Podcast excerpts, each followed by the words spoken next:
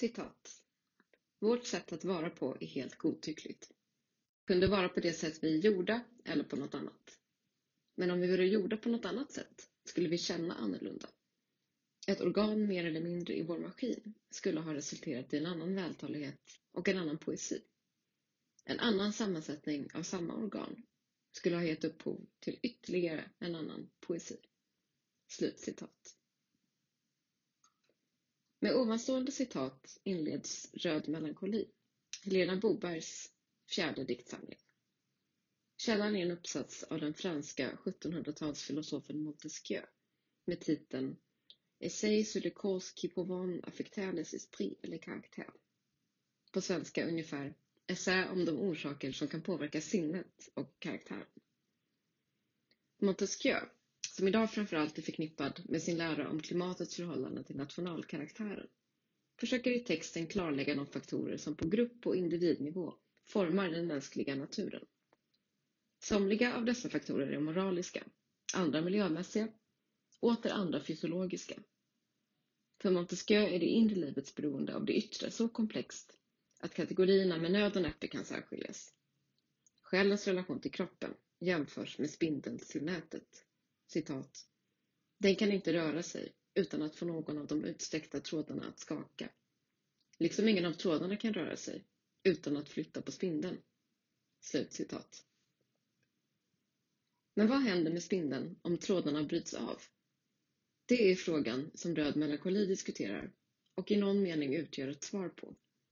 I alla fall om man istället formulerar den så här.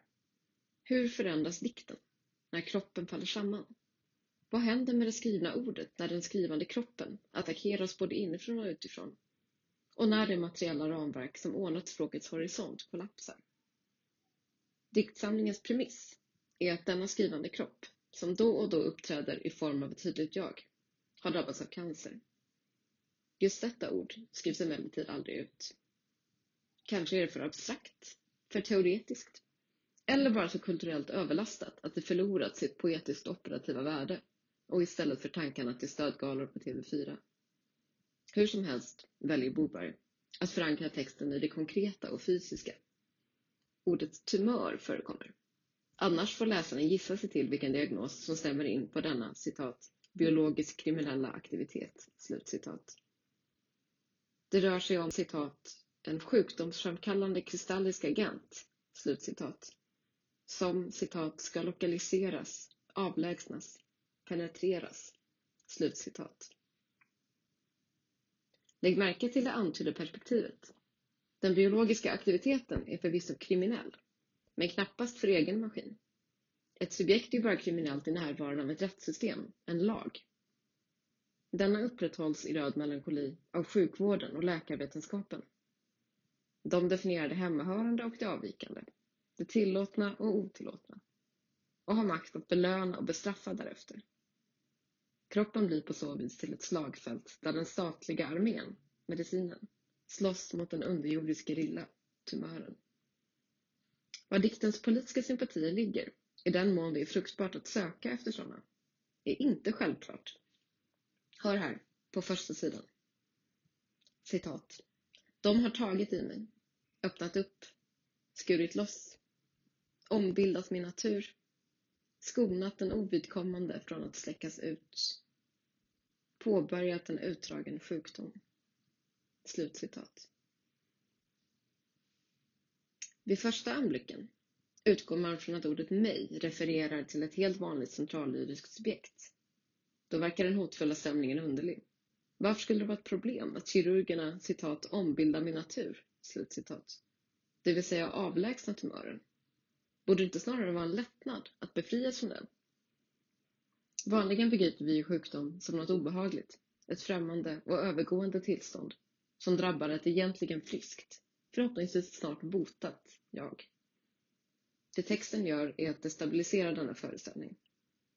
Tumören innebär inte bara en förlorad kroppslig autonomi. Dessutom koloniseras jagets språk, dess självförståelse. Att tänka på sammansmältningen som en form av Stockholmssyndrom eller ömsesidigt beroende blir för ytligt. Snarare rör det sig om en grundläggande subjektupplösning. Jaget och tumören växer ihop till ett enda väsen. en enda utsägelseposition, från vilken vägen tillbaka till ursprunget är stängd. Den tidigare cancerfria existensen kan bara anas glimtvis i rader som citat som om jag frivilligt donerat min tigande vävnad till dessa våldsceller upplåtit mig som moderskepp, värddjur för slutspel och destruktion. Slutcitat. Boberg låter diktjagets sjukdomsförståelse pendla mellan dessa poler. Den totala identifikationen å ena sidan, intellektuell distans å den andra. Splittringen speglas i textens grafiska håligheter. Större delen av diktsamlingen ser ut ungefär som ovan. Fyra, fem sprängda rader, korta fraser, enskilda ord svävande bredvid varandra. Mängden passiva participkonstruktioner är ögonfallande och ovanlig. Sidorna inleds med ord som nerfryst, inflätad, renskrubbad, indränkt. Den talande framstår därmed som fastlåst i observatörsrollen. Agensen ligger hos någon annan. Passivitet är inte samma sak som stumhet. Inledningsvis hänger sig texten åt neologismer, gärna av det mer barocka slaget. De är trögflytande, parfymerade, distinkt kroppsliga i sitt lite frånstötande överflöd. Tjockblodsrosor, körtelparfym, månvarvsblodet, spottkobror. Sinnlighet är överhuvudtaget avgörande. Substantiven pulserar, blöder, läcker och strilar. De är nejlikeröda, blodstämplade, persikofärgade. Man får bilden av ett abstrakt landskap som till färg och rörelse påminner om en kropp i genomskärning. Något rött rinner genom något rosa, vid sidan av något gulaktigt och dunkande. Här hänvisas också till humoralpatologins fyra vätskor. Tanken på människan som styrde balansen mellan blod, slem, gul galla och svart galla, ursprungligen formulerad i antikens Grekland, gör hos Boberg en comeback.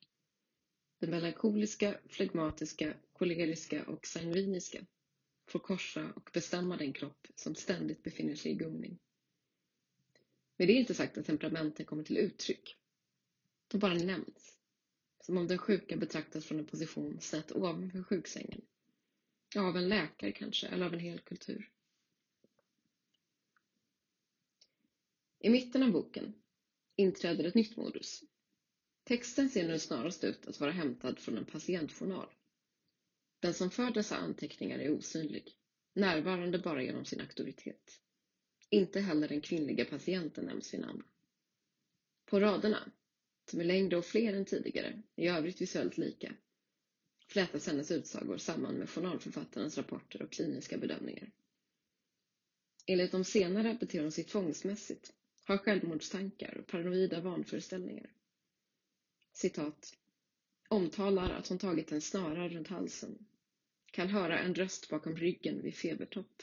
Slutcitat. Citat, malin tumör i familjeanamnesen. Slutcitat. Citat, radat upp mandarinklyftor i symmetriska mönster på frukostbrickan. Slutcitat. Vad gör det här skrivsättet med helheten? Hur förändras de omgivande textavsnitten av journalanteckningarna? Man kan tänka att de ytterligare framhäver patientens ofrihet. Att diktens konstitution, om man följer Montesquieu, inte bara påverkas av kroppens förändring, utan också disciplineras av den miljö som denna kropp befinner sig i. Man kan också se det som att greppet låter Boberg ställa två olika sorters kyla mot varandra. Patientens temperamentslösa beskrivningar mot det medicinska språkets blodlöshet. Kyla är, tror jag, ett viktigt ord. Dikten lever i spänningen mellan språkets idealism och kroppens materialism. En spänning som den både sätter i arbete och, medveten om att det är omöjligt, försöker undkomma.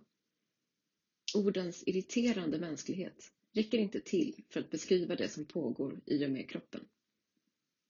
Citat, som om jag med språk kunde kontrollera dessa viskande kristallsporer, mytologiska stalaktiter, utan uppsåt eller antropomorfa egenskaper. Slutcitat. Just därför, i kraft av sin bristfällighet, fångar de in en sorts obegriplighetens sorg, som ett hypotetiskt och mer träffande språk inte hade kunnat nå. Döden vore inte den slutgiltiga tystnaden, om den gick att bespråkliga. Den måste tvinga en till tomma vardagsfraser, som citat Vilken tur att det inte var värre än så. Var glad att du inte förlorar ditt hår. Slutcitat. När sådana fraser infogas i poetisk text händer någonting med dem. De blir en del av rörelsen mellan tystnad och överflöd som död melankoli gestaltar och som kanske är bestämmande för människans relation till död och sjukdom. I de bågnande, extravaganta neologismerna uttrycks övertygelsen att språket måste mer, måste framåt för att göra det akuta tillståndet rättvisa. I tystnaden insikten om att denna rättvisa är omöjlig och om att omöjligheten därför måste införlivas i texten i form av glapp, avbrott och klichéer. Spindeln kan inte låtsas som om nätet ligger stilla. Det är på det stora hela mycket övertygande. Jag imponeras av Bobais säkerhet, av formens konsekvens. Här finns dessutom en sorts komisk timing i både ordval och vokalljud. Som när lymfkärl citat dras som hårstrån ur alla dåb. Slutcitat. Ändå undrar jag bitvis om inte texten borde drivas ännu längre mot någon av de ytterligheter den spelar mot. Det finns något lite tillrättalagt, lite väl poetiskt i balansen mellan de språkliga elementen. Vad skulle hända om neologismerna inte bara ströddes ut här och där, utan dominerade totalt? Om journalspråket svällde och slukade hela boken? Om dikten ännu mer radikalt vanställdes av det sönderfall den så tydligt tematiserar? Kanske skulle den i sådana fall bli misslyckad. Jag vet inte. Men om det är något jag kan önska av denna i allt väsentligt fascinerande text är det att den skulle piskas ett varv till. Förlora kontrollen. Tappa ansiktet. För att så nedstiga i mörkret som antyds. Citat. Helvetet är något man bär inuti. En röd melankoli. Vetskapen att när som helst slå ut. Slutcitat.